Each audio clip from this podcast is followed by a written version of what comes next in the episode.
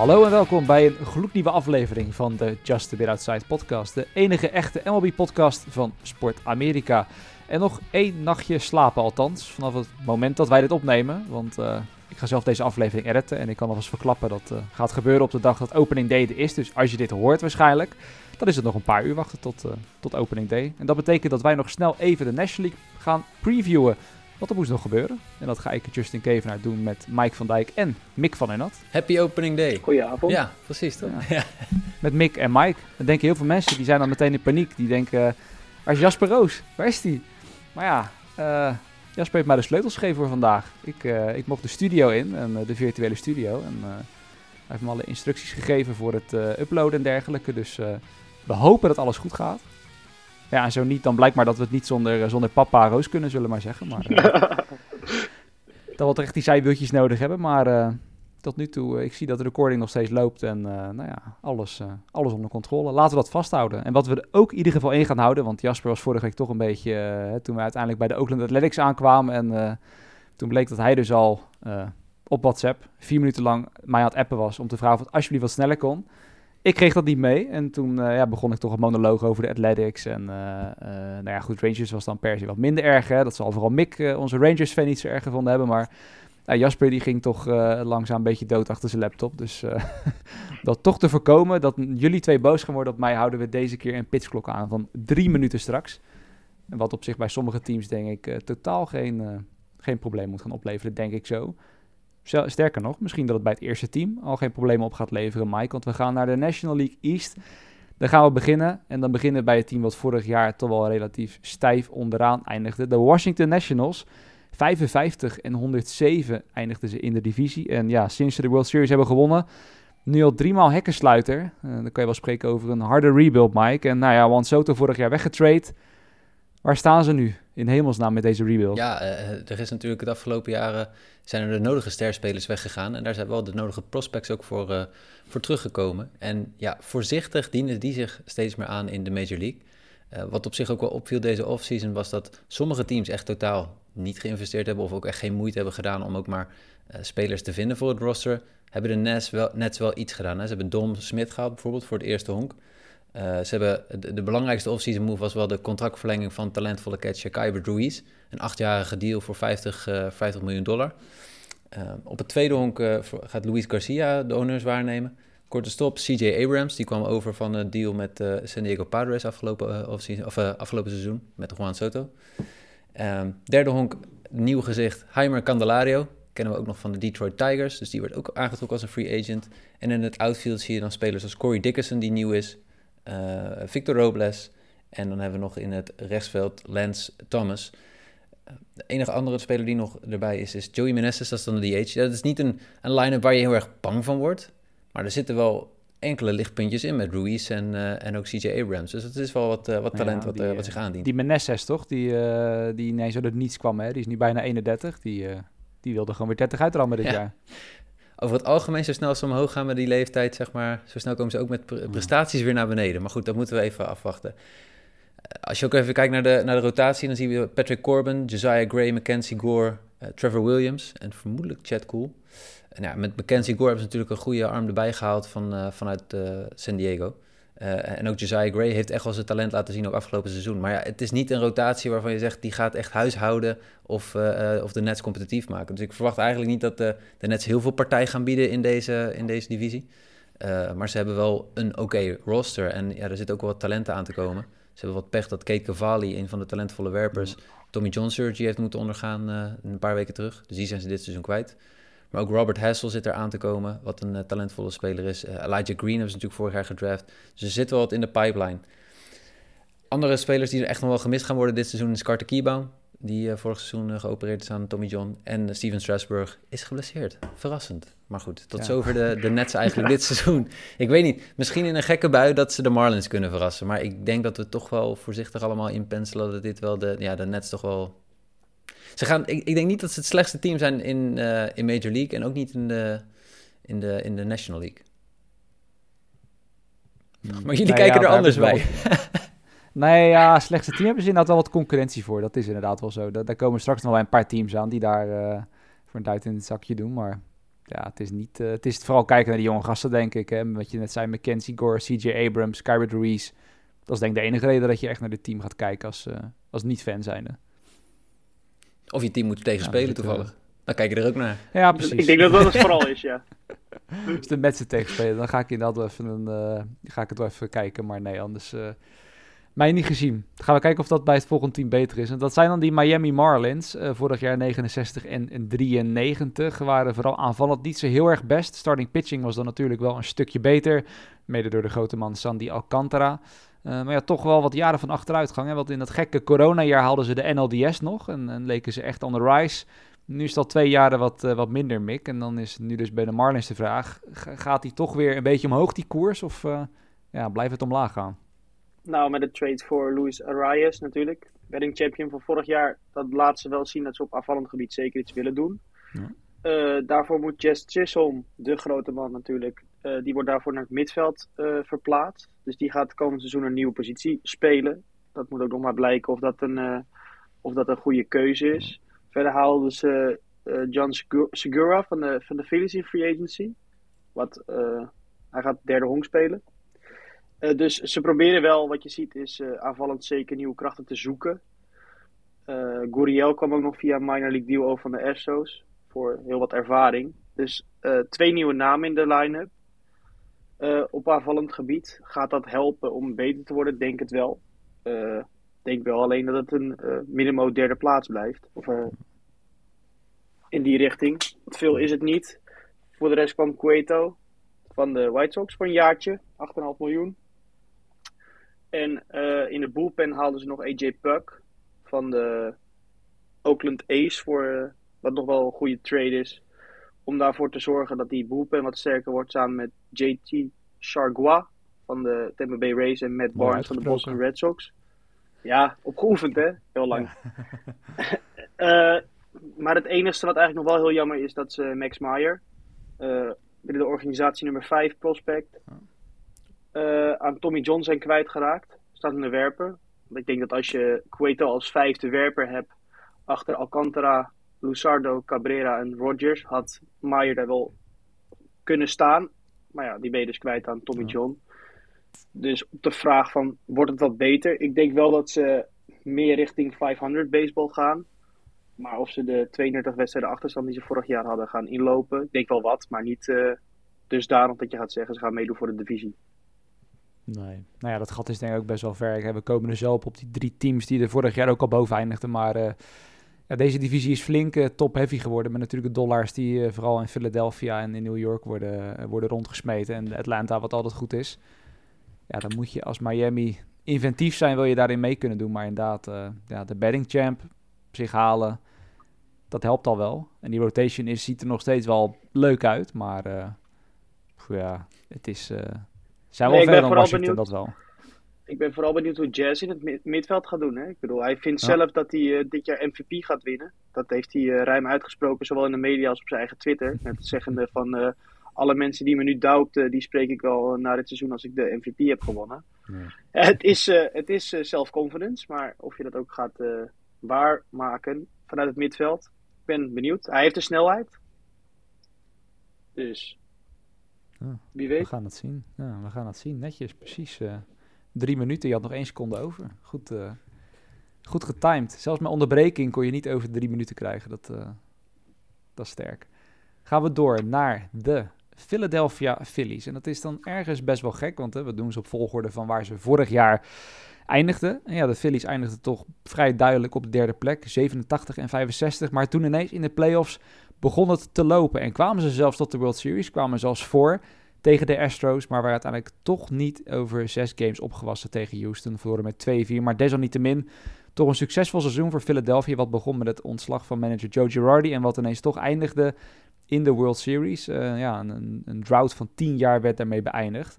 En van daaruit haalden ze bijna de playoffs. En dat betekent dat ze nu door willen pakken. Dat kan je ook wel zien. Er zijn wel wat namen weggegaan. Uh, Noah Syndergaard, uh, Kyle Gibson en Zach Eflin. Die verlieten de rotatie, terwijl net Gene Segura al aangehaald. Die vertrok naar de Marlins. En uh, ook Brad Hand, een reliever, vertrok samen met David Robertson en landgenoot Didi Gregorius is er ook weg. ja, en heeft ook nog steeds geen nieuwe club, wat op zich wel opvallend is te noemen, denk ik.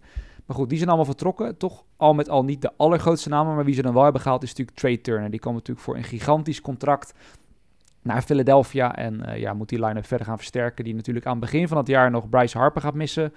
Die is nog geblesseerd. Ik zag dat er nu een beetje op werd ging dat hij misschien rond, uh, ja, rond juni hoopt terug te komen. En misschien dan wel vooral zelfs als designated hitter.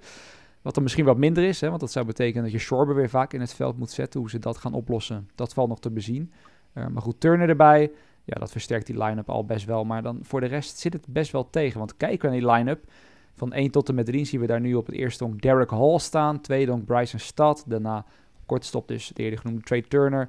En dan zien we nog Alec Baum. En wie we hier dan bijvoorbeeld al missen op eerste honk. Hè, we zeggen nu Derek Hall, maar dat is Reese Hoskins. Die scheurde afgelopen week zijn ACL af. Mist dus het hele seizoen. Uh, ja, en mist dus het hele seizoen, zoals ik zeg. Uh, terwijl Harper een paar maanden mist. Dat is geen heel lekker begin. Uh, dan zien we verder in die line-up in het outfield. Zien we Brandon Marsh in het midden. Op links ene Jake Cave. Die het wel in springtraining heel goed doet. Maar ja, dan niet de grootste naam. En op rechts dan Nick Castellanos. Uh, kijken we dan naar de pitching staff. Daar zijn nog steeds Aaron Nola en Zach Wheeler. Die zijn terug. Een hele goede deal sloten ze voor Taiwan Walker. Uh, die helaas wel over van mijn Mets. Maar ik denk dat dat wel een hele goede, goede deal is. Maar ook hier ja, toch wel wat vraagtekens. Aan het einde staan nu namelijk Bailey Falter en Matt Strom in die rotatie.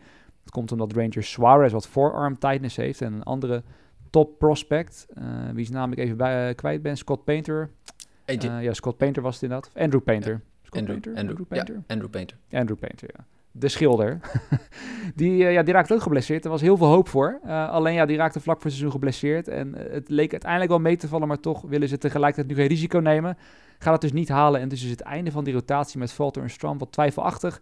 En in de bullpen, Craig Kimbrell gehaald. Gregory Soto kwam over in een trade van de Tigers. En zij moeten samen met Ser Anthony Dominguez en met José Alvarado vooral die bullpen intact houden. Die al wel weer wat sterker is dan voorgaande jaren ja, al met al een uh, nog steeds sterk team. Maar wat ik zeg, al alle pech aan het begin van het jaar met Harper die er al niet is, Hoskins die wegvalt. Ja, het helpt, uh, het helpt allemaal niet. En, en doet me dan toch wel een beetje twijfelen. Ook al hebben ze vorig jaar ja, toch wel de twijfelaars aan het zwijgen gebracht in de playoffs. Maar ik weet het niet. De Braves en de Mets van de troon stoten. Als het dan zo tegen zit, hè? Dan wordt het in ieder geval een... Uh... Als het zo blijft... als het zo blijft doorgaan, dan wordt het gewoon een race met de Marlins voor plek 3. Wie brons oh. mag pakken. Oh. dat is wel. Uh, ja, dat, zo negatief zie ik het dan ook weer niet. Maar ja, het is wel. Laat het wel, wel zo zeggen. Als inderdaad uh, het, het, het, het, ongeluk zo voort blijft zetten. Nou ja, dan. Uh, het is een valse start. dan komen er zo nog een paar bij. Ja, het is inderdaad een zeer, een zeer valse start. Als we even hebben over een valse start. Ik wil dat doorgaan naar de Mets. Zijn natuurlijk vorig jaar officieel tweede geëindigd. Maar om te voorkomen dat er nu nog een monoloog van mij volgt over mijn geliefde Mets. Gaan we toch een beetje breken met de regels. Dan gaan we eerst naar de Atlanta Braves, die uh, vorig jaar de divisie officieel wonnen op een tiebreaker. Want ze hadden exact hetzelfde record als de Mets, 101 en 61. Voor beide 100 overwinningen, maar succes bracht het ze niet in de playoffs. Sterker nog, ze verloren van de Phillies met 1-3 in de NLDS. En dat terwijl ze toch eigenlijk in alle categorieën weer tot de top behoorden. Al vijf jaar lang hebben ze nu de divisie gewonnen, wat toch niet ja, heel erg makkelijk is in een divisie waar onder andere de Nets al een paar jaar terug heel goed waren. De Mets er altijd wel rondhangen, de Phillies toch altijd wel mee willen doen. Um, ja, blijven de Braves die vooral de afgelopen jaren altijd bovenaan de top, Mike. Het wordt wel steeds moeilijker, maar ze blijven het maar doen. Hè? Ja, zeker. En uh, je zegt al, het, het, wordt moeilijker. Ik denk dat het dit jaar inderdaad een stukje moeilijker wordt. Met name als je kijkt naar de starting rotation, wat toch echt wel uh, het zwakke punt, denk ik, is in het begin van het seizoen in ieder geval voor dit, uh, voor dit team. Als je kijkt naar de rotatie nu, zou die bestaan voor de eerste week uit Max Fried, Spencer Strider, die vorig jaar natuurlijk tweede werd in de Rookie of the Year voting. Achter zijn teamgenoot Michael Harris.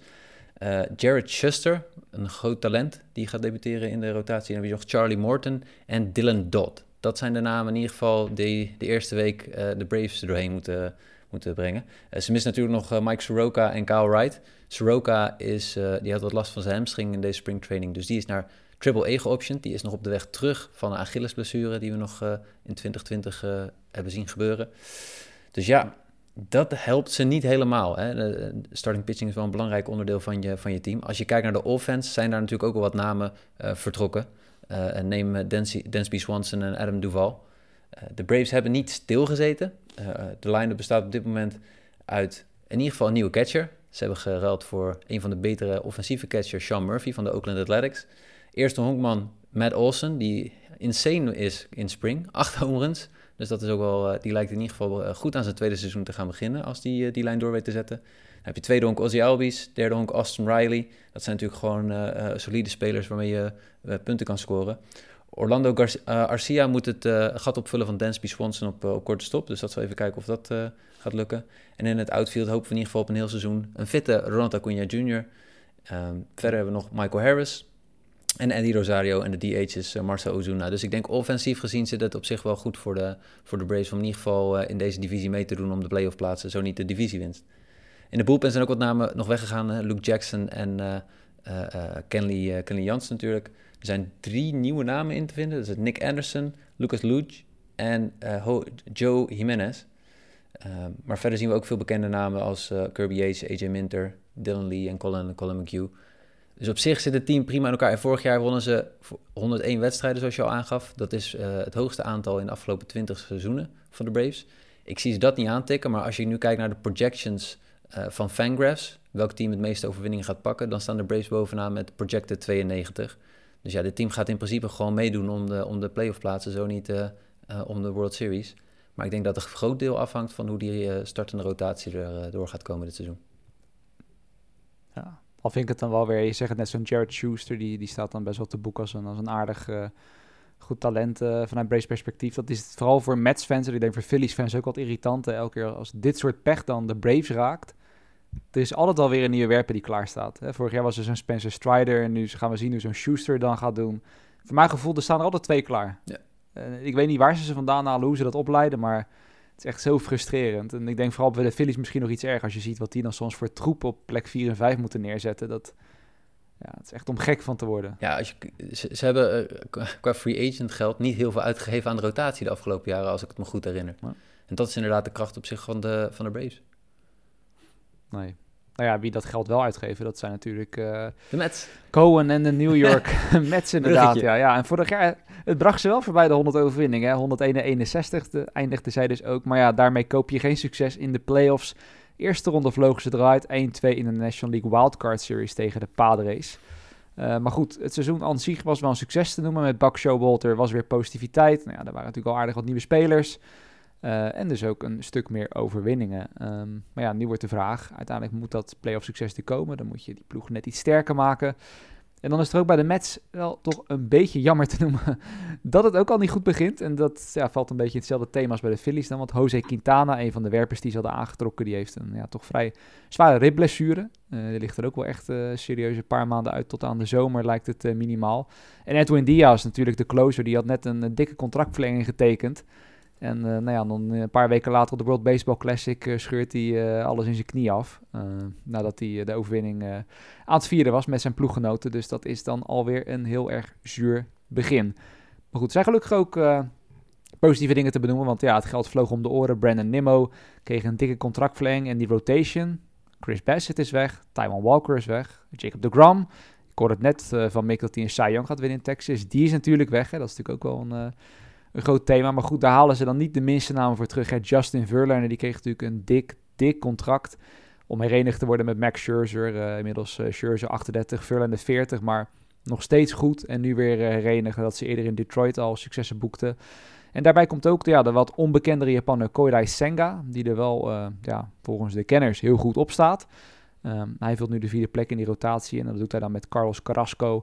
En David Peterson moet dan dus nu die plek opvullen die eigenlijk voor Quintana bedoeld was. En dat is dan weer zo'n plek dat je denkt, ja, Peterson op zich, het kan, maar het is misschien niet de meest ideale situatie. Um, de line-up, daar is eigenlijk vrij veel onveranderd gebleven. Het enige wat daarin veranderd is dat Omar Narvaez, de ervaren catcher, erbij kwam van de Brewers. Uh, die moet vooral die catchingpositie uh, ja, voor nu even vasthouden. En vooral het supertalent wat Francisco Alvarez heet, iets meer tijd geven om eventueel die plek in de toekomst uh, over te nemen.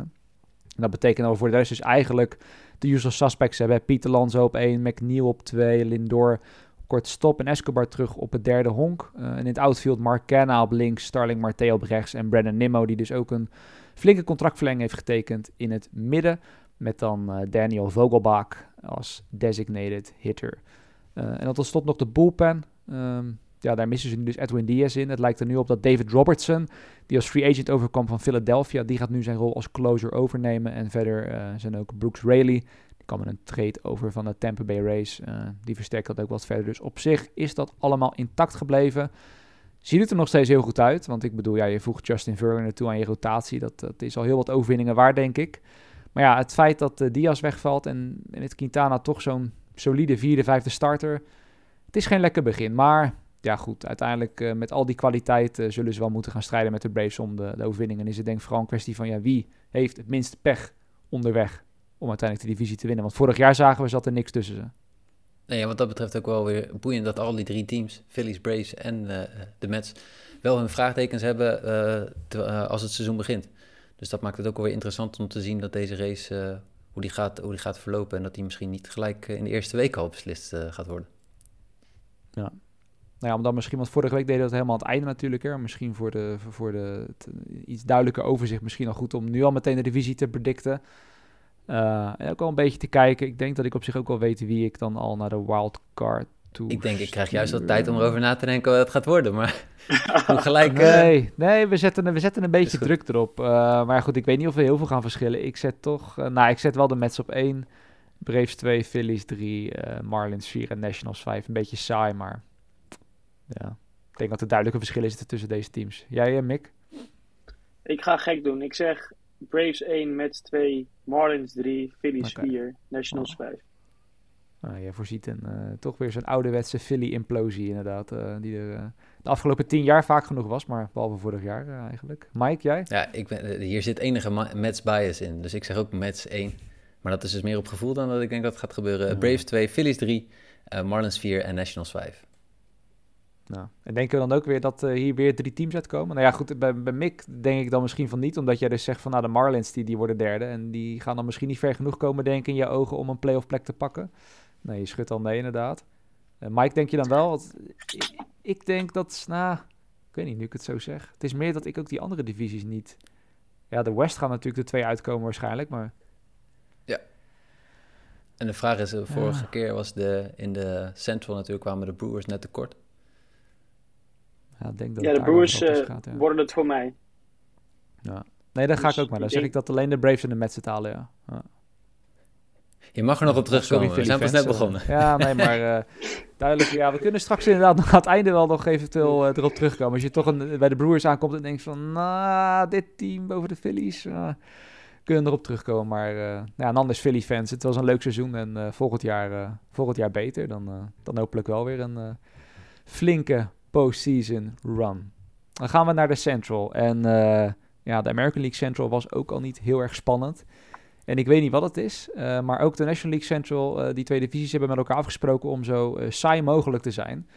En vooral aan de onderkant is het niet heel erg best, Mick. Want we beginnen met de Pittsburgh Pirates, waar jij straks een heel monoloog over mag gaan houden. Vorig jaar 62 en 100. Eindigde gelijk met de Reds, een net zo deprimerend team waar we zo op, op komen. Maar ja, bij de Pirates, het is Inmiddels jaar 4 voor manager Derek Shelton. Nu al twee jaar op rij 100 overwinningen. Of 100 uh, overwinningen, dat zouden ze willen. 100 nederlagen natuurlijk. En dan is het bij hun vooral de vraag, en dat zal straks bij de Reds hetzelfde zijn. Ja, ik, wanneer komt die vooruitgang nou eindelijk in zicht? En gaat dat volgend jaar bijvoorbeeld al komen onder Shelton?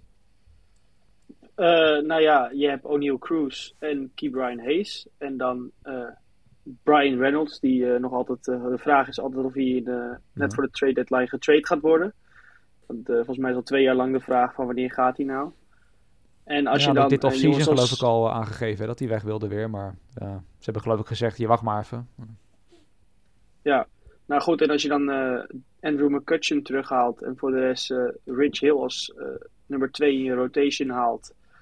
Carlos Santana als eerste honkman op de bank zet. Nou, dan heb je niet achter Jimen Choi, die trade van de race dan heb je nou niet een line-up waarvan je zegt, nou, naast die jonge jongens, want dat zijn er heel veel, staan er namen die de line-up echt beter gaan maken.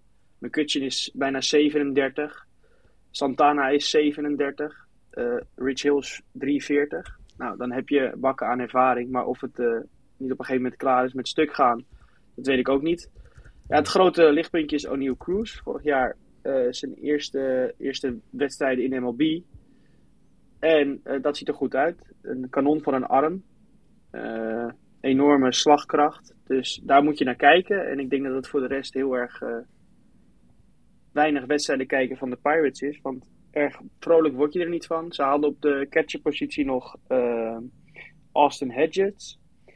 En uh, nee, je hebt nog een, een catcher prospect, Andy Rodriguez. En een right-handed pitcher, Luis Ortiz. Wat twee prospects zijn die waarschijnlijk in 2023 naar de majors komen. Uh, dan heb je JD, JT Brubaker, die is met elbow discomfort, staat hij op de injured list. Ja, en voor de rest is er niet heel veel over de Pirates te zeggen waarvan je zegt, nou, dit is het. Nee, het is uh, nog steeds een van de mooiere stadions. En ze hebben natuurlijk even een hele korte periode gehad met veel succes. Maar hoe hard het daar nou weer achteruit is gegaan, dat blijft, uh, ja, dat blijft spijtig. Ik zie wel, wel een hele goede naam trouwens, zeg, van die, van die rechtsvelder. Kenan ja. Smith en Jigba. Weet je daar ja, ons wat over te vertellen? Of, uh? uh, ik dacht, ik laat die naam gewoon expres in het midden, zodat ik hem niet kan ja. verpassen. Dat laat ik aan jou. nee, uh, hij is via de Yankees naar de Pirates gekomen in, via een trade in 21. Maar voor de rest zal zijn eerste jaar worden. En voor de rest herinner ik me nog van vorig jaar uit de Rookie Watch Ronzi Contreras. Mm. Staat op dit moment als nummer 4 in de rotation dat is ook nog wel een leuke werper. Die kwam in dezelfde trade als Jigba mee. maar ja. Dat is de Tyone deal, ik denk zie dat... ik hier net. De Jameson Tyone deal. ja. Ah, kijk. Maar ik denk ah, ja. dat niemand uh, van Sport Amerika dan wel van onze luisteraars gaat zitten kijken naar de Pirates. Dan moet je echt uh, een liefhebber zijn. dan, ben je, dan ben je een echte, echte liefhebber. Nee, dat... Uh... Ik zie het ook niet. En ik zie ook dat die Smith en Jigba ook familie is van... Uh, maar dat is misschien voor de mensen die ook uh, Amerika voetbal volgen... van Jackson Smith en Jigba. Dat is een best wel goed wide receiver prospect van Ohio State... die dit jaar naar de NFL draft gaat. Dus nou ja, het zit in ieder geval in de, in de familie. Maar ik denk dat zijn broer als wide receiver iets succesvoller gaat zijn dan, dan Kenan... als ik tot nu toe kijk naar de statistieken. Maar nou ja, tot zover de, de hoogtepunten van de, de Pirates. En ook hierbij tot, uh, tot volgend jaar hopelijk uh, wordt, het dan, uh, ik, ik, ik, wordt het dan beter. Ik heb hem je maandag niet zien draften in Fantasy, Smith en Jigba. Nee, ja, hij staat wel op mijn watchlist okay. hoor. Dat, als het gaat komen, dan, dan ben ik er meteen als, als de kippen bij. Maar goed, toch moet ik zeggen, als ik dat team zo lees, misschien nog wel enig optimisme. Maar dat komt vooral door het volgende team, de Cincinnati Reds. Ook zij eindigden vorig jaar 62 en 100 en behoorden in elke categorie zowel een OPS als starting pitching ERA en relief pitching ERA tot de onderste vijf van MLB. En ja, eigenlijk iedereen van naam die er de afgelopen jaren was, die is zo'n beetje vertrokken. Alleen good old Joey Votto is er nog. Alleen ja, dan wil het dat hij geblesseerd is nog steeds. Um, na een schouder blessure van vorig jaar. En dat hij voor het eerst in 14 jaar opening day niet gaat halen. Dus uh, ja, tot zover de, de Cincinnati Reds wilde ik dan zeggen. Maar laten we toch dan nog wat dingen benoemen die ze hebben gedaan. Er uh, zijn wat kleinere namen weggegaan. Uh, nou ja, Mike Moustakas zat natuurlijk alweer even. Die is weggegaan naar de Rockies. Uh, Donovan Solano, infielder, die ging naar de Twins. En Mike Miner, starting pitcher, die, die vertrok. Wat hebben ze dan gedaan? Ja, dat is een beetje wat zo'n rebuilding team dan doet. Ze vullen het aan met wat relatief ervaren jongens. Will Myers, die natuurlijk een beetje laatste jaren aan het clubhoppen is, die die komt erbij op het eerste honk. Uh, Kevin Newman, een korte stop, komt over van de Pirates. En Will Benson, een outfielder, die kwam over van de Guardians in een, in een trade. En momenteel staat er ook op designated hitter dan, dat zegt vaak ook al genoeg, staat er een non-roster invitee en Jason Vosler, die overkwam van de, van de Mariners. Nou ja, vaak als er al te veel non-roster invitees in je starting line-up staan, dan, voor, ja, dan voorspelt dat niet veel goeds. De rest van de line-up wel een paar namen waar je misschien wat positiefs over uh, kan vinden. Jonathan India, voormalig top prospect, zit er nog steeds. Die gaat tweede honk spelen. Uh, Tyler Stevenson, de catcher. Daar zit misschien ook nog steeds wel wat, uh, wat groei in. Maar ja, voor de rest is het met die namen die ik net heb benoemd niet heel erg spannend. En verder nou ja, zie ik op de bank er nog twee catchers erbij. Kurt Casali en Luke Mali die erbij kwamen. Maar niet heel veel dingen die ja, veel aan hun situatie gaan veranderen. De rotation is dan misschien nog hetgene waar je het meeste naar uit kan kijken. Want Hunter Green die zit er natuurlijk in. En uh, nou ja, vorig jaar denk ik wel solide eerste seizoen gehad.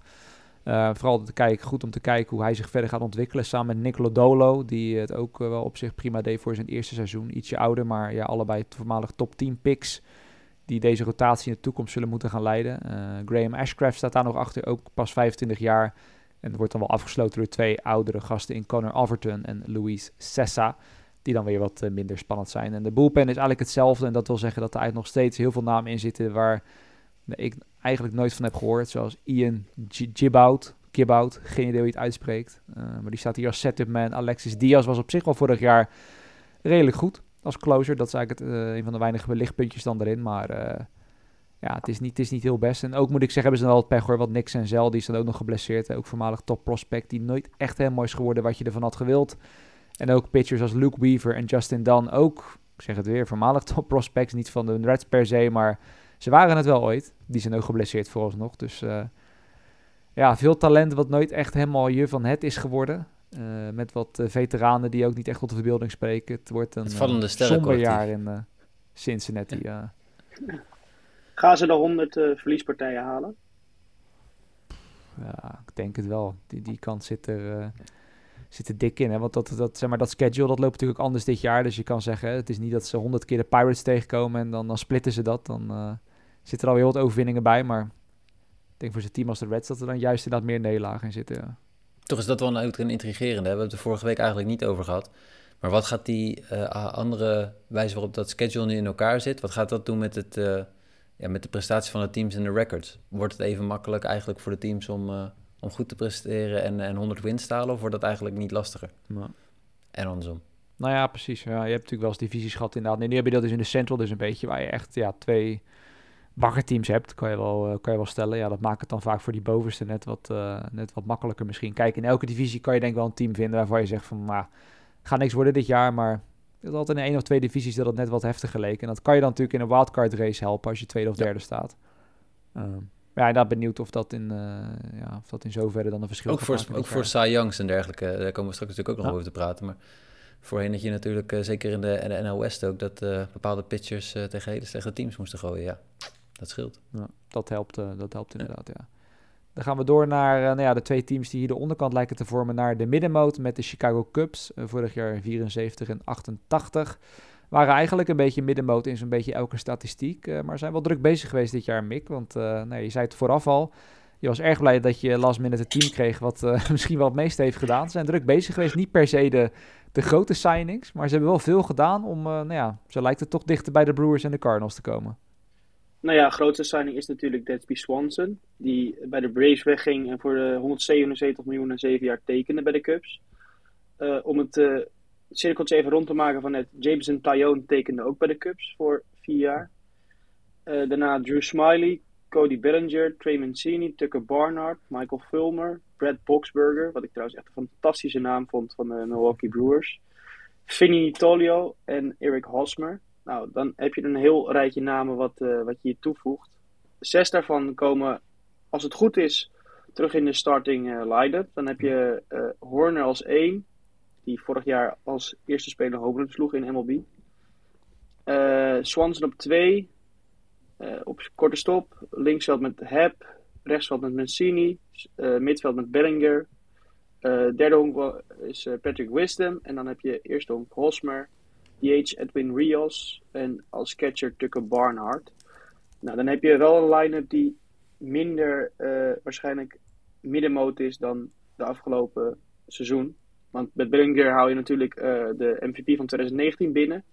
Voor de rest heb je op de heuvel nu ook uh, Stroman als nummer 1, Steele als 2, Tajon als 3, Smiley als 4. En Hayden Weneski als 5, wat een hele goed talent is. Startte vorig jaar al zes wedstrijden en deed vrij aardig. Dus dat is ook wel interessant om te gaan kijken hoe hij zich verder ontwikkelt. Uh, Saya Suzuki, de Japanse ja, superster wil ik niet zeggen, maar wel Japan, uh, Japaner die de Cups vorig jaar haalde. Uh, die begint het seizoen op de IL met een straight oblique.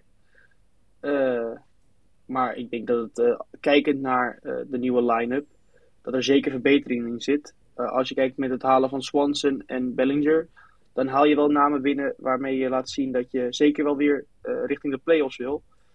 Uh, en terug naar de World Series, waar de Cubs lange tijd niet waren geweest en toen wonnen en ook weer heel snel verdwenen. Ja.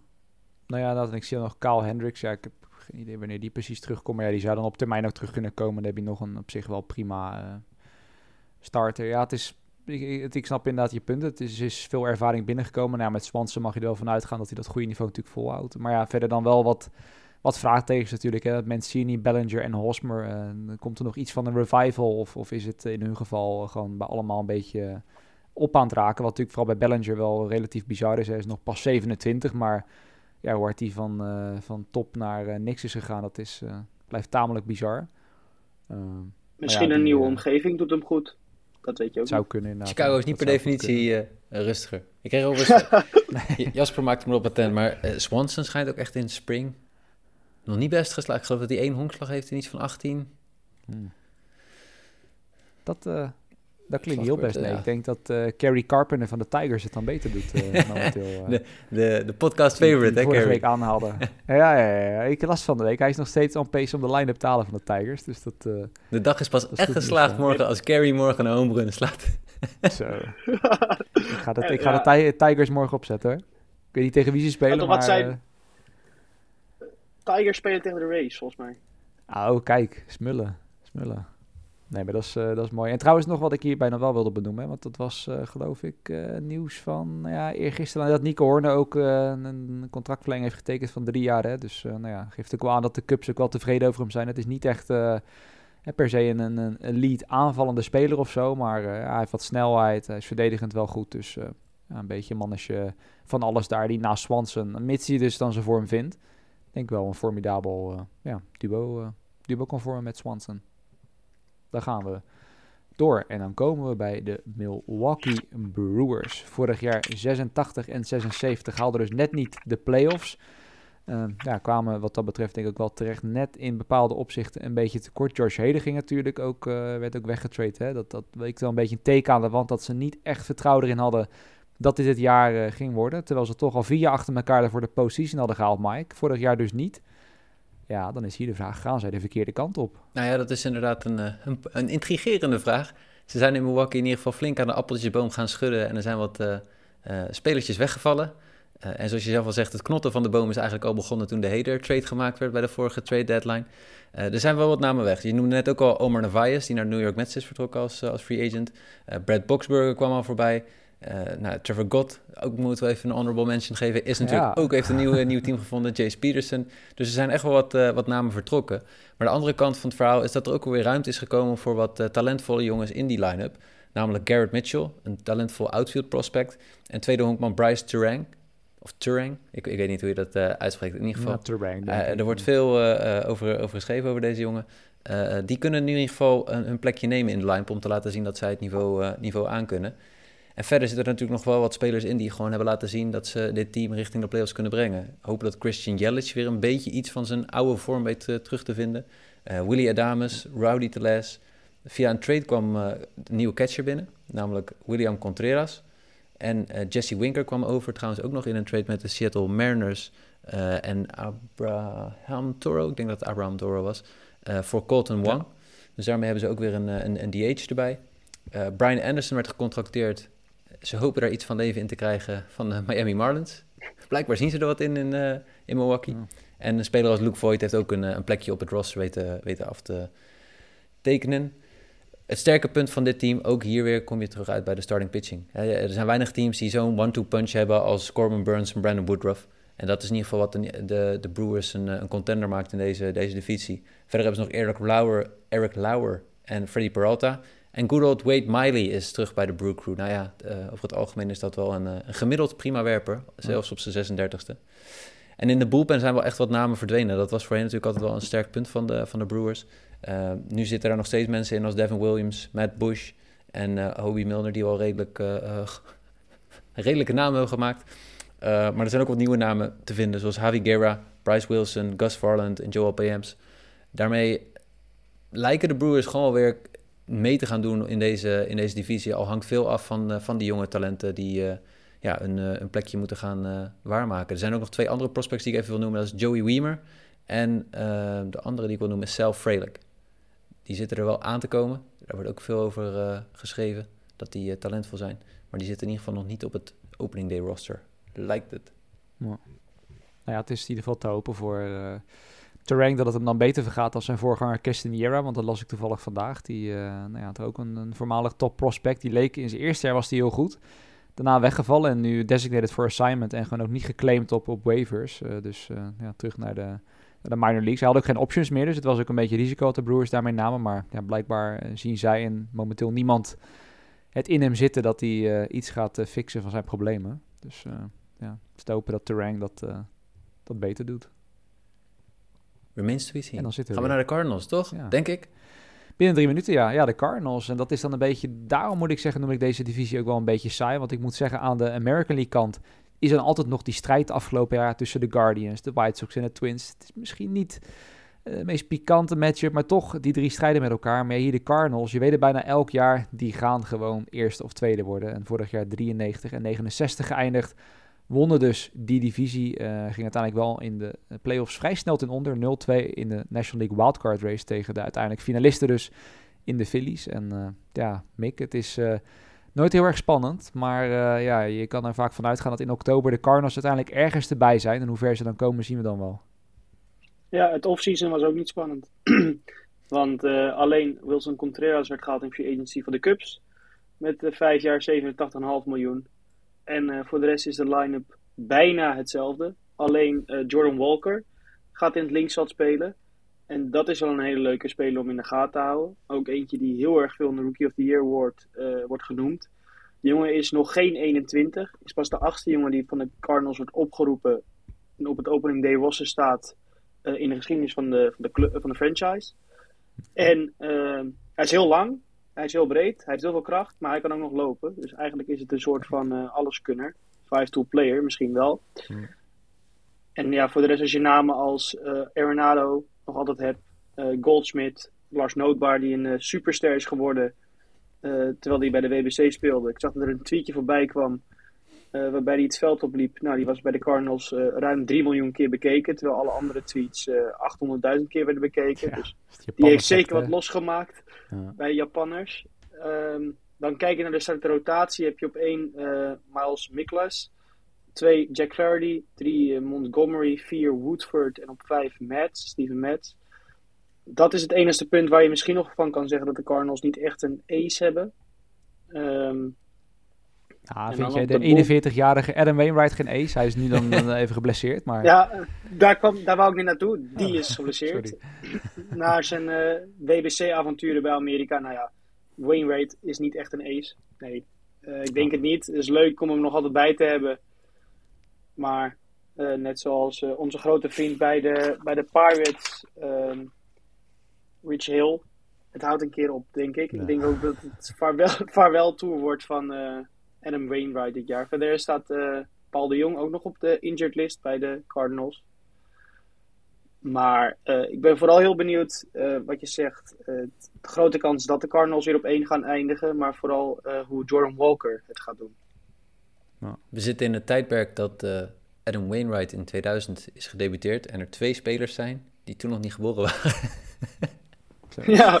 Jordan Walker en Nolan dat is Sick, ja. Nou, ik denk wel dat we te weinig, ja, ik weet niet, ik, ik zelf vind dat vooral, te weinig respect hebben voor hoe dit soort teams eigenlijk, en uh, sommige mensen vinden het oh, saai, dat zeker. maar eigenlijk nooit rebuilden, altijd wel redelijk in contention blijven. Uh, net hebben we het gehad over de Nationals, waarbij het dan, net zoals met de, de, Royals, kijk, je gaat uiteindelijk als je de kans hebt, ga je er vol voor en dan is het mooi dat je kampioen wordt, want dat wil je doen. Maar des te lastiger mhm. het is om jaar in jaar uit competitive te blijven om, uh, om play-off baseball te spelen. En dat doen de Cardinals echt wel heel, heel knap steeds. Nou ja, maar vooral ook een beetje, dat, dat vind ik altijd, dat zijn ook dan nooit echt... Uh, en dat kan je mensen niet kwalijk nemen, ook een beetje van die saaie namen, zeg maar. Tommy Edman en dan Brandon Donovan. Uh, weet je, en, die, en dat zie je ook hier. Die draften dan in de zevende ronde of zesde ronde of zo. En is het heel knap dat zij die spelers wel uit weten te talen, inderdaad. Die dan toch, het, worden geen supersterren, maar het zijn hele bruikbare Major League spelers.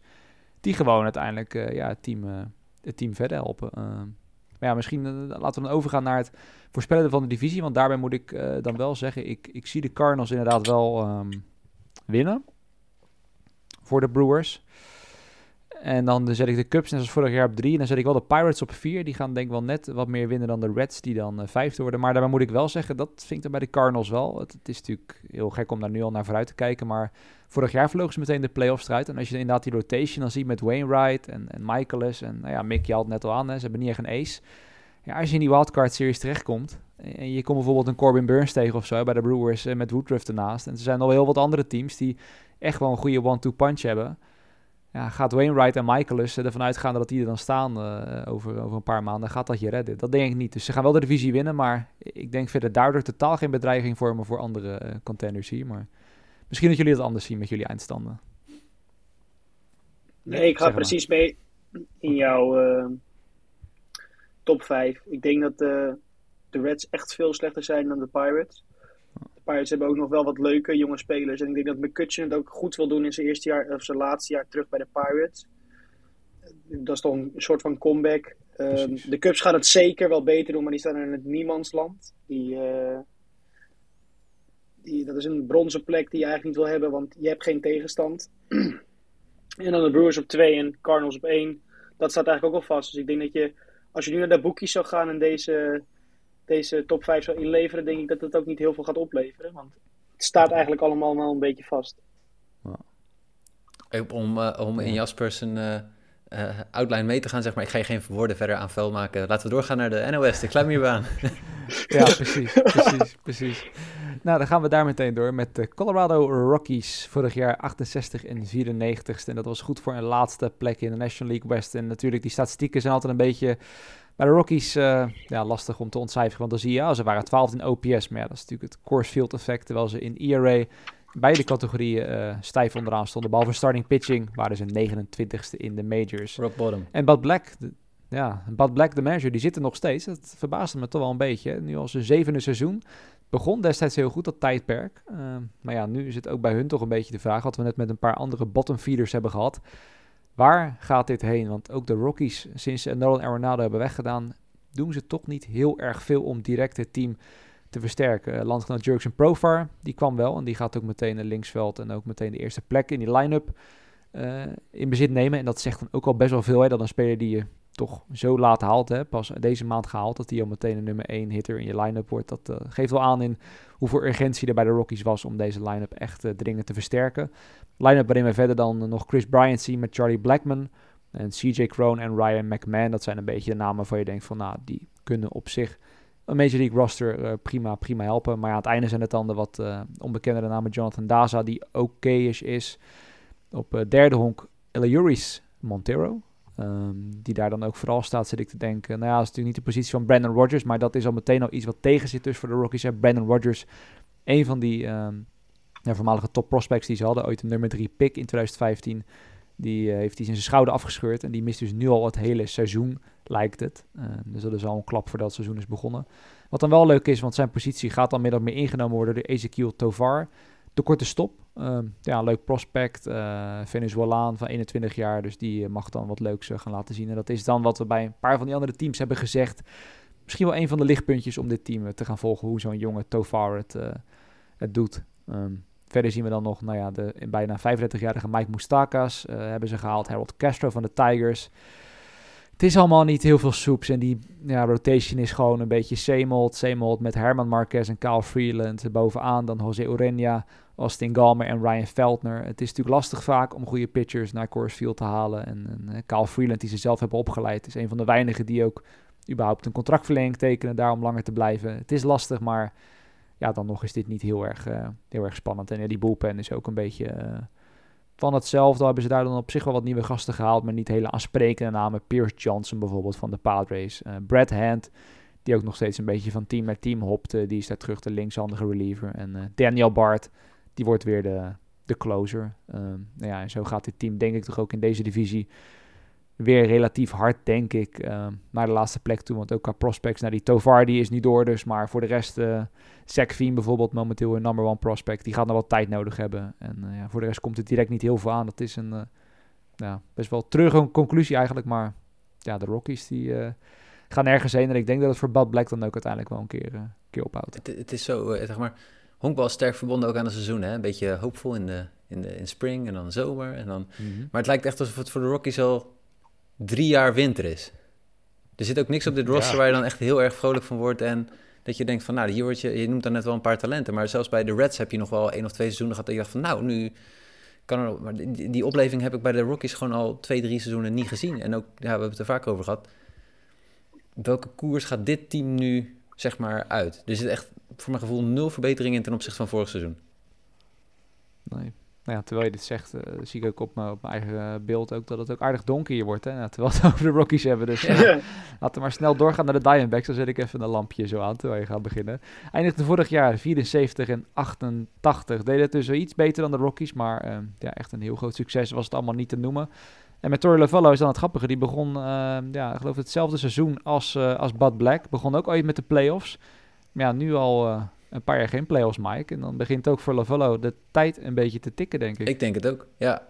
Uh, hoewel op zich... Uh, ergens is hij ook steeds een slachtoffer geweest van de kwaliteit op zijn roster. Dat daar niet gewoon heel veel toptalent in, in zat. Dat is natuurlijk altijd lastig. Maar ja, ook deze winter, de Diamondbacks hebben niet veel flashy moves gemaakt. Ze hebben wel wat jongens zien vertrekken. Ian Kennedy, Jordan Luplo. Ja, het zijn niet de grootste namen. Caleb Smith, natuurlijk altijd van Justin een, een favoriet. Um, En ja, er zijn wel wat moves gemaakt. En die zaten vooral een beetje in de, in de categorie uh, trades. Zo is Kyle Lewis overgekomen van de Seattle Mariners. En zijn Lourdes Gurriel en Gabriel Moreno gekomen van de Toronto Blue Jays. En wat eigenlijk wel het meest spannende is, is dat we vorig seizoen wat talentvolle jongens door zagen breken. En dat gaan we het komende seizoen nog meer zien. Dus Corbin Carroll kreeg een, natuurlijk een achtjarig contract aangeboden voor 110 miljoen dollar. Die heeft hij getekend. Uh, dat is een van de outfielders die uh, dit seizoen voor het eerst het hele seizoen gaat spelen. De andere twee jongens zijn Jake McCarthy, die vorig seizoen ook al wat dingen heeft laten zien, en Alec Thomas. Nou, dat soort gasten, dat, is wel, dat maakt je wel weer enthousiast over de toekomst uh, van de Diamondbacks. In het infield is weinig veranderd. Christian Walker, Ketel Marte, ook Nick Ahmed zien we daar nog steeds rondhobbelen. En Josh Rojas. Um, dus dat is. het tegenvallen wel voor de Diamondbacks is dat Carson Kelly, die brak iets. Even kijken, wat brak je ook weer precies? zijn voorarm in spring training. Zijn ja, Dus die zijn we wel voorlopig, uh, sorry, die, die zijn ze wel voorlopig kwijt. Uh, dat is wel een tegenvaller. Uh, en qua veteran presence is ook Evan Longoria nog gecontracteerd. Dus die zou ook nog wat nodig gaan spelen op eerste honk of derde honk.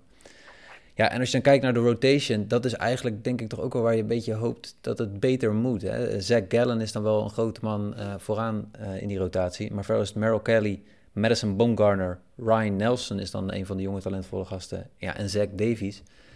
Dit is geen rotatie waarin je deze divisie echt mee gaat doen. En dat, dat blijft gewoon het, uh, het jammeren. De bullpen was vorig seizoen echt dramatisch. En daar is niet, ja, er zijn wel wat namen voor veranderd. Maar ik heb nog niet de indruk dat dat echt gaat leiden tot een competitief team. Uh, Andrew Chavin is teruggekomen. Je ziet toen uh, Miguel Castro, Cole Sulser en Carlos Vargas. Dus ja, dit is nog niet goed genoeg om, om te gaan concurreren met de teams die er zijn. In een gunstig geval speel je 500 bal. Dat zou wel uh, leuk zijn. Dan heb je wat oplevingen. Uh, en ja, er zitten gewoon nog wat jongens aan te komen. Jordan Lawler, uh, Brandon Pfaat heeft in spring training wat goede pitching outings gehad. Dus ja, ik, ik, mocht je nog iets zoeken om een keer te kijken op een dode avond, kijk of de Diamondbacks spelen. Dat zou ik wel willen aanraden. Ja, maar op zich, we hebben het dan net over een team als de Rockies, waar je zegt, uh, ja, daar lijkt het al drie jaar winter. Maar op zich, ik snap het natuurlijk, hè, dat toch als fan, je ziet natuurlijk liefst elk jaar jezelf terug in de postseason met je team. Maar ja, dit is inmiddels, tenminste wel hier denk ik, reden om naar te kijken. Ik bedoel, alleen met Corbin Carroll, hè, de, gewoon de, de number one of number two prospect van uh, MLB momenteel. Uh, ja, dat is dan toch al, al de moeite waard. En ja, zo'n Brandon Faat die je net noemde, verbaasde wel een beetje dat hij er niet op stond. die had ik dan wel her en der gelezen als van hè, potentiële uh, up-and-coming jonge talenten die in de buurt gaan maken al vrij snel. Dus ja, die rotation, ja, in ieder geval, die is in ieder geval die rotation battle was eigenlijk vrij raar voor de laatste spot in, de, in de rotatie. ook Drew Jameson maakte kans daarop. Zeg ik het goed? Ja, Drew Jameson. Mm Maar ja die gasten hebben eigenlijk niet zo heel goed gegooid. ik geloof dat ze een ERA allebei hadden van in de 7. En omdat Ryan Nelson vorig seizoen wat, wat meer had geworpen, uh, heeft hij voor dit moment de, de voorkeur uh, gekregen. Ja. En het is te hopen dat, uh, maar dat zeg ik dan als Mariners-fan, dat uh, Kyle Lewis weer een beetje wat, ja, vooral fit blijft. En ja, misschien hier in de luwte en ook een nieuwe omgeving wat terugvindt van zijn oude klasse. Dat, in spring training was hij de hotbed. Kijk, ja, dat is mooi. Maar ja, vooral heel blijven. Dat is bij Lewis het enige wat hem vaak wat me vaak tegenhoudt. Van de Diamondbacks gaan we dan naar de Giants. En uh, nou ja, je hebt over uh, middelmaat, gewoon middenmoot, dan waren dat de Giants eigenlijk vorig jaar eindigden met een 81-81 record. Zoals we vorige keer bij de White Sox zeiden. Gewoon netjes 500 baseball. dat je daar, of je daar dan positief of negatief over denkt, dat uh, laat ik aan de fans zelf. En ja, de Giants was eigenlijk het grootste offseason nieuws dat Aaron Judge niet kwam. Want ja, daar was toch een groot deel, leek het wel een beetje van de offseason strategie opgemunt om Judge terug naar huis te halen. Hè. Zo was het hele romantische verhaal. Maar Judge die had geen zin om uh, terug naar huis te komen. Die wilde gewoon uh, lekker in New York blijven, in de pinstripes. En daar uh, ja, zijn legacy verder voortbouwen. Dus geen Judge. Nou ja, daarbovenop kwam dan ook nog dat ze Carlos Rodon ook dan nog eens pijnlijk genoeg aan de Yankees verloren. die tekenen daarvoor maar liefst zes jaar als, als werper. andere namen die dan weggingen, net al eerder genoemd, Evan Longoria. Die ging dus naar de Diamondbacks toe. Brandon Bell, toch een van de weinige overgebleven namen van, de, van die World Series runs die ze hadden. Die is naar Toronto Blue Jays gegaan. En uh, nee, Tommy La Stella was er nog een infielder die vertrok naar de Mariners. Betekent verder dan uiteindelijk toch wel dat die line-up wel redelijk hetzelfde is. Michael Conforto is weer terug in honkbal. Hè. Die was natuurlijk vorig jaar even weg. Dus officieel staat hij, hij kwam over van de Mets. Ja, dat klopt ook wel. Was hij voor het laatst actief, maar ja, niet vorig, uh, vorig seizoen, maar het jaar daarvoor. Uh, nou goed, hij is weer terug. En hij staat dan in de line-up in het outfield met Jock Peterson, die er nog steeds is, en Mike Yastrzemski. Het infield zijn dan ja, niet hele spannende namen, maar oké namen als Lamante Wade, Tyro Estrada, David Villar en Brandon Crawford, die nu denk ik inmiddels een beetje de enige is die nog over is van de, van de succesperiode die er destijds uh, was in, uh, in de Bay Area bij San Francisco. Uh, en catcher is dan voormalig top prospect Joey Bart. En op DH staat ook iemand waarvan ik echt nog nooit heb gehoord, Blake Sable. die kwam over in de trade van Cincinnati, staat hier. Nou, we gaan het in de gaten houden. Dan de pitching side is op zich wel, uh, en dit is dan misschien het deel waar ze misschien een klein beetje verschil kunnen maken met de D-backs. Dan moet ik wel zeggen, die rotation, Logan Webb en Alex Cobb zijn daar weer terug. Sean Manaya en Ross Stripling werden gehaald van respectievelijk de Padres en de Blue Jays. Uh, en Alex Boet is er dan ook nog steeds. Allemaal dertigers met uitzondering van Logan Webb dan. En het, geval is hier dan wel, moet ik zeggen, bij de Diamondbacks kan je nog zeggen, het plafond ligt misschien best wel hoog. Ook wat jong talent wat eraan komt. Ja, dit zijn allemaal ervaren gasten. Je weet wat je eraan hebt. Uh, alleen ik denk daarmee ook dat het plafond niet extreem hoog ligt uh, voor deze pitching staff. Misschien bij Webb dat hij nog wat voortgang kan boeken, maar daar houdt het wel op. En dat is hetzelfde verhaal denk ik met de rotation. Veel degelijke namen. Taylor Rogers komt daar nog bij, de linkshandige werper van de, van de Brewers. En die mag nu voor, voor totale verwarring te zorgen bij fantasy managers. Samen gaan gooien met Tyler Rogers. Dus Tyler en Taylor Rogers hebben we daar bij elkaar. De ene linkshandig, de andere rechtshandig. Uh, en dan is closer Camilo Doval, dat is dan de enige waarvan je wel kan zeggen, 25 jaar, uh, gooide vorig jaar heel goed. Daarvan ligt zijn plafond al ligt wel wat, wat hoger. En ja, en als soort van Aaron Judge vervangen kan je bijna zeggen dat hij niet kwam. Haalden ze Mitch Henniger van de Mariners. Ze beweerden zelf dat het niet zo was, maar zo leek het toch wel een beetje. Van, nou, dan hebben we Henniger in ieder geval als Judge niet komt. Ja, die is voorlopig geblesseerd. Strained oblique heeft hij, dus die gaat niet beginnen, maar zal uiteindelijk wel een plek veroveren op het roster. Maar ja, de Giants vorig jaar was het 500 baseball. En als ik naar dit team kijk, denk ik eigenlijk weer exact hetzelfde. Dit is het. Niet meer, niet minder. Nee, is eigenlijk ook al een paar seizoenen, zeg maar, een beetje gemiddeld 30 jaar team, wat toch wel redelijk presteert. Ja. ja, met die ene hele gekke uitschieter natuurlijk, maar ja, dat, dat ik zeg, dat zie ik echt niet in zitten. Met Sean Manai en zo Ross Stripling, sorry, maar dat, dan ga je niet mee de Padres en de Dodgers uh, bang maken, want daar gaan we nu naartoe. En dan beginnen met de San Diego Padres vorig jaar 89 en 73. Eindigen toch aardig wat potjes uiteindelijk achter de Dodgers, terwijl ze er heel wat aan deden. Maar ja, in de playoffs uiteindelijk uh, toch de NLCS gehaald. Gingen ze wel met 1-4 ten onder tegen de Phillies. Maar ja, Mick, de Padres, demi in business. We hebben het al vaak gehad in deze podcast, hè, want uh, Bogaert is erbij, Soto kwam er vorig jaar al bij. Ze doen er alles aan om de Dodgers van de troon te stoten. Ja, zeker. En naast Bogers ook Suarez, Waka, Lugo, Carpenter. Het zijn allemaal namen die uh, in de line-up komen en ervoor moeten zorgen dat... Het is eigenlijk een soort championship or bust geworden. Als je ook kijkt naar wat er nog over is in die farm system. Nou, dan, dat is helemaal leeggeplukt. Dan wel voor trades, dan wel voor andere dingen. Um, je hebt nu Bogart op 1 in die line-up. En dan Soto op 2, Machado op 3. Koning op 4, Carpenter op 5. Nou, dan heb je nog een, uh, een aardige goede top 5. En dan is... Uh, onze grote vriend Fernando Tatis Jr. nog altijd geschorst. Die komt op 20 april pas terug. Uh, het gaat ook kijken worden hoe er dan geschoven gaat worden binnen de line-up om uh, Tatis weer terug te krijgen. Korte stop waar Bogarts nu op staat. Um, voor de rest staat uh, non-roster invitee David Dahl nu op dit moment in het linksveld. Hij tekende vanuit de Washington Nationals. Dus een echte linksvelder hebben ze niet. Dus hoe ze dat gaan oplossen, weet ik ook niet. Rooknet Door uh, zit ook op de bank. Die tekende ook als non-roster invitee. En voor de rest hebben ze nog een hele goede pitching rotation met Darvish, Snell, uh, Martinez, Waka die overkwam van de Red Sox en Seth Lugo die overkwam van de Mets. Dan heb je nog altijd uh, Joe Musgrove die met een, een gebroken teen op de IL staat. Uh, Adam Engel kwam ook over van de White Sox. Die is ook geblesseerd. Ook een, uh, hamstringetje. Die hebben de Padres er ook niet bij vanaf het seizoen. En dan een, een bullpen waarin Josh Heden natuurlijk de grote man is. En voor de rest is het vrijwel hetzelfde. Domingo Tapia kwam over van de Oakland A's. en ook Brent Honeywell Jr. kwam ook over als free agent van de A's. En dat is hoe de Padres gaan proberen ervoor te zorgen om de Dodgers eindelijk van de troon af te stoten. Ja. Die, die Brent Honeywell, dat, uh, dat, is, dat zou Jasper dan natuurlijk nog beter weten. Dat is altijd prospect watcher. Maar ik zie inmiddels 28 jaar. Dat was echt jaar op jaar een, uh, een van de vele race talenten. Maar ja, als nu zelfs de Asian niet meer willen, dan, dan ben je ver, ver gezakt. Um, maar ja, nee, het is, een, het, is een leuk team. En natuurlijk vooral als terug is, dan is het aanvallend denk ik smullen met, uh, met de star power die je daar hebt. Um, ook nog op, ja, ik, ik hoop het. Ik hoop dat de moeite wordt beloond. Ja, ook nog op de bank Nelson Cruz, hè, werd ook getekend van de Nationals. ik bedoel, als je toch nog ergens een DH nodig hebt, ja, ja, ja. haal Nelson Cruz. Ja, hoort dit jaar 43. Dat, uh, ja. Die is er ook nog steeds. Nee, maar ik, ik gun het ze echt van harte. Ik moet zeggen, ik heb altijd al wel een zwak gehad voor de... Sorry Mike, voor de, voor de Padres. Uh, maar uh, ja, moet, ik moet zeggen, ook afgelopen zomer was ik er toevallig. Mooi stadion, leuke stad ook en zo. En ja, toen merkte je ook echt dat het stadion zat ook goed vol. Er was toen net naar die Soto-trade ook en zo. Heel veel mensen al met Soto-truitje en zo. En uh, ja, ik heb wel echt het gevoel dat het, daar, dat het daar altijd al wel leefde, maar nu weer echt helemaal leeft, zeg maar. En ja, dan is het te hopen dat dit team ook een beetje een voorbeeld gaat vormen voor andere teams. Die misschien niet de diepste zakken hebben, maar ja, wel gewoon uh, die meer serieus gaan Oprecht een heel relaxed stadion. Echt tof. Ja. Als je er bent. Ze, ze tekenen trouwens ook Bogarts voor 11 jaar, 280 miljoen. Maar als je Bogarts nu op korte stop zet en je hebt Tatis nog niet terugkomt, is het ook wel heel interessant om te gaan kijken hoe je dat gaat oplossen. Want wie ga je schuiven? Ga je Haasong Kim uit de line-up gooien en laat je iemand op tweede honk spelen?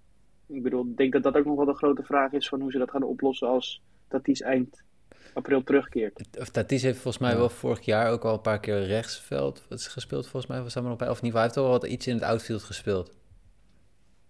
Ja, dat zou dan nog ja, dan, meteen... En DH. Als je, DH. als je het beste niveau, zeg maar, qua offense, uh, offense halen, dan zou dat de meest logische optie zijn. Maar ja, dan moet het ook wel logisch zijn voor Tatis, ja. zeg maar. Ja. ja, DH, maar ja, dan is Nelson Cruz weer een, uh, een rare vogel.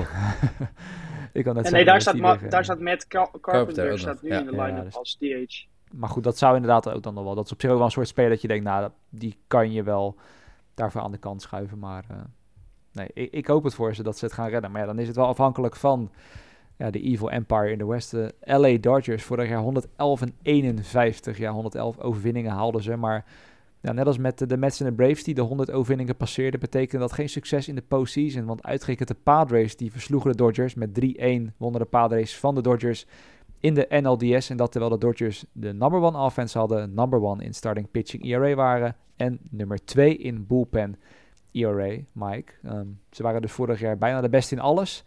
Betekende niet dat ze daarmee automatisch de World Series kregen toegeschoven. En uh, ja, dan is nu vooral de vraag, want als je kijkt, zo extreem veel hebben ze niet gedaan. Nee. Gaan ze een beetje, worden ze een beetje bang nu voor de Padres? Ja, ja ik denk wel, uh, hè, waar uh, ze voorheen in het geel reden en een voorsprong hadden van drie minuten, is er nu al aansluiting van de Padres bij de Dodgers, ja. serieus. Want ja, er zijn toch wel behoorlijk wat namen vertrokken. En, die, we, die we ook wel gewoon kennen als dit zijn de vaste gezichten geweest van de Dodgers de afgelopen vijf tot wel tien jaar. Uh, en ik denk ook als je kijkt, je noemt net dat terecht, het team was eigenlijk het beste team, hitting, pitching. En dat is het laatste jaren ook steeds geweest. Um, maar dat, dat, is, ja, dat is nu gewoon echt, echt wel even anders. Trey Turner is vertrokken, Justin Turner is vertrokken, Cody Bellinger, wat net al wat namen, Andrew Heaney, Tyler Anderson. Dat zijn allemaal namen die vorig jaar wel belangrijk waren, of in ieder geval een, een rol speelden in het, uh, in het team van de, van de Dodgers. Tel daarbij op dat op dit moment Walker Bueller niet in actie meer gaat komen dit seizoen, want die heeft een Tommy John surgery onder moet, moeten ondergaan. Kevin Lux heeft zijn ACL afgescheurd, gaat niet meer in actie komen. En ja, dan zitten de Dodgers toch wel in de hoek waar ook de klappen vallen. Uh, waarmee het gat in ieder geval met de Padres een, een stuk kleiner is, is geworden. Neem niet weg, de Dodgers hebben niet volledig stilgezeten. Alleen ze hebben niet met geld gesmeten zoals we dat eigenlijk gewend zijn van ze. ze hebben JD Martinez gehaald als DH. Nou, in principe is dat een, een prima speler in die, in die line-up. Uh, David Peralta is erbij gehaald. En Miguel Rojas is als korte stop gehaald van de Miami Marlins. Verder zien we dat Jason Hayward als non-roster invitee ook een contractje heeft af weten te dwingen. ja, het zijn niet de grote namen. En de laatste die ik nog even eigenlijk vergeet, in ieder geval, is, zijn Noah Syndergaard en Shelby Miller. Ja, ook die spelen nog. Ehm, maar goed, misschien dat ze voldoende een aanvulling zijn op, het, op, het, op de spelers die, die weggevallen zijn.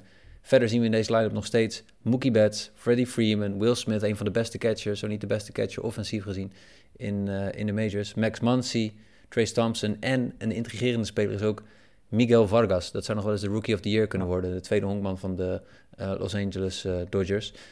de, line, de starting rotation bestaat uit Julio Urias, Dustin May, Clayton Kershaw, Syndergaard en Ryan Pepio. Ook die jongen heeft al wel wat dingen laten zien. Die heeft in ieder geval, is in ieder geval een talentvolle werper. En bij de Dodgers kan het net zo uitpakken zoals jij zei bij de Cardinals.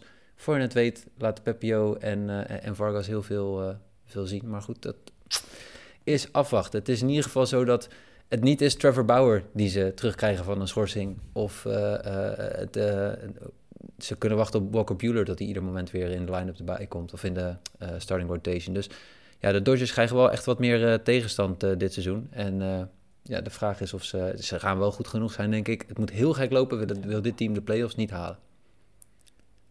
Nee, dat is op zich ook zeker niet in gevaar, denk ik. Want je hebt nog steeds genoeg prima spelers. Maar het is wel wat je zegt. Eindelijk, zeg ik dan voor de fans van andere teams in de divisie... is het misschien toch wel goed om te zien dat ook zij een keer wat tegenslag kunnen tegenkomen. En dat het niet altijd inderdaad al uh, zo is dat ze een dikke voorsprong hebben deze tijd van het jaar.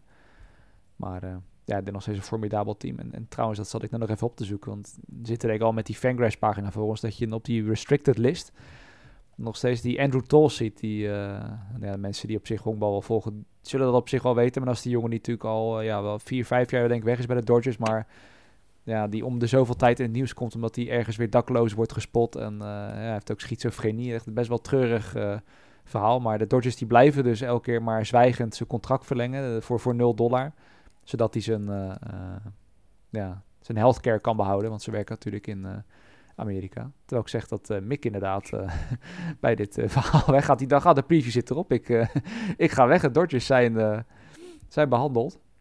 Dat kan. Nou ja, ja, dat kan inderdaad. Nou ja, dan wachten we even op Mick of hij nog in ieder geval zijn prediction wil, wil doorgeven. We kunnen in ieder geval even denken, hoe ehm, gaan deze teams eindigen in de stand van de NOS? Ja, nou ja ik, ja, ik zeg het maar. Dat is dan vooral het, het hopen. En dat is dat de Padres het gewoon gaan doen. Ehm, dat zij de divisie gaan winnen. Uh, en dan zullen de Dodgers wel twee worden. En dan, dan hoop ik voor, nou voor jou sowieso. Maar ook uh, ja, gewoon voor dat die jonge talenten het goed gaan doen. Dat de Diamondbacks net aan derde worden. Dat de Giants gewoon net een wat minder jaar hebben en vierde worden. Uh, en de Rockies vijf, dat lijkt voor mij dan wel logisch. Maar ja, Padres en D-backs aan de app, hoop ik. Ik, ik hoop het met je mee. Ik denk inderdaad wel dat de Padres de divisie gaan winnen. En ik zou dat op zich wel een hele goede ontwikkeling vinden voor de gezondheid van de sport. Als dat een keer zou gebeuren, dat daar een beetje verandering in komt. De Dodgers 2 die gaan sowieso wel de playoffs ook halen. ik denk wel dat de Giants net het betere team zijn dan de, dan de Diamondbacks.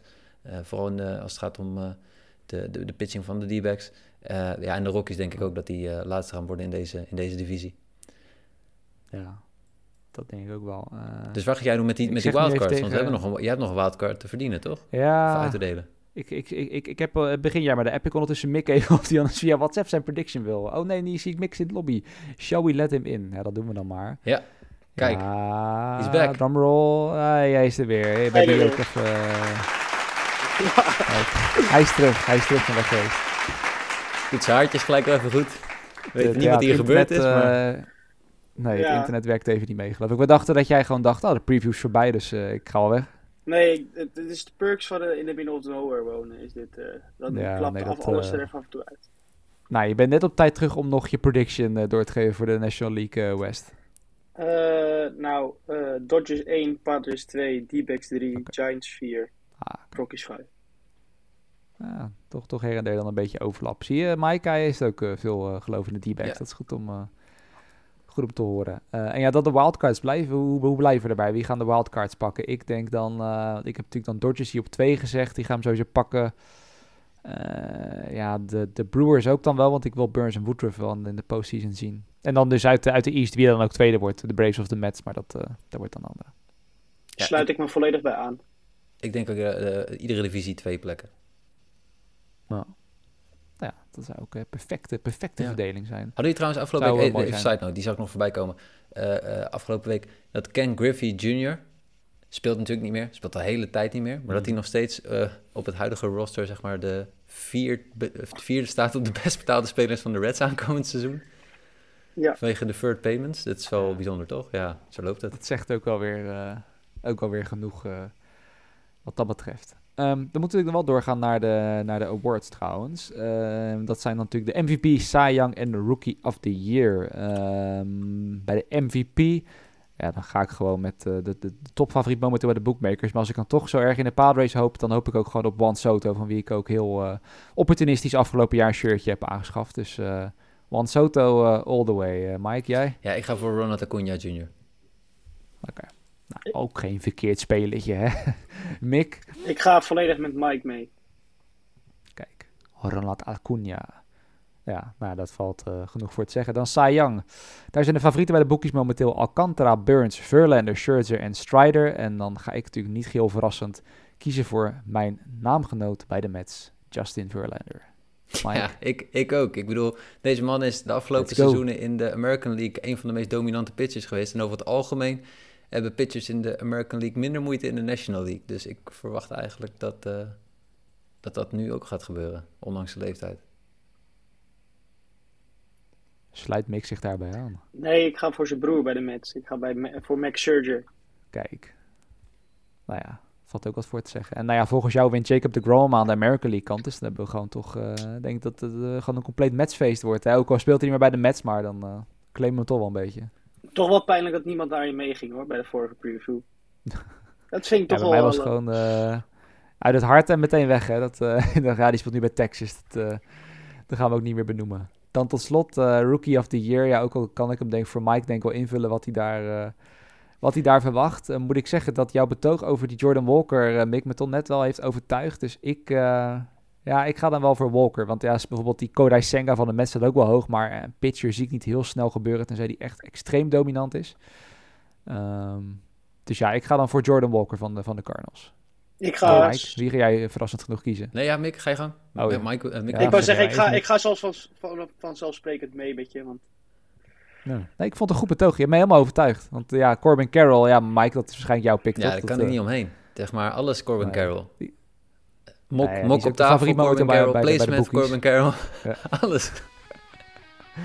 Ja. Alleen, ja, sorry, maar ja, Mick heeft me iets meer overtuigd dan jij net met, met Corbin Carroll. Dat eh, toch een beter betoog moeten De voorbereiden. verwachtingen zijn door het contract hoog. Dat is, dat, dat is het voordeel van Walker. Dat kan ook nog wel eens meespelen, ja. Dat is bij Walker altijd, hè. Bij de Cardinals iets in de luwte, dat, eh, dat kan wel helpen. Sta- slaat waarschijnlijk er een beetje onder in de line-up daar. Dat, eh, dat kan wel eens, eh, wel eens gaan helpen. Nou, we hebben het toch gered. We waren iets korter dan vorige keer. Denk dat we toch een paar minuutjes eraf hebben, hebben, hebben geknabbeld van de, van de pitchklok.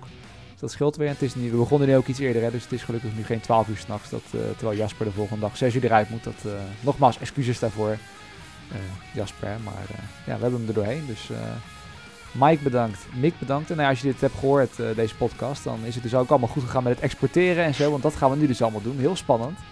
En dan nou, hoor ik jullie graag weer de volgende keer als het seizoen echt is begonnen. Tot dan.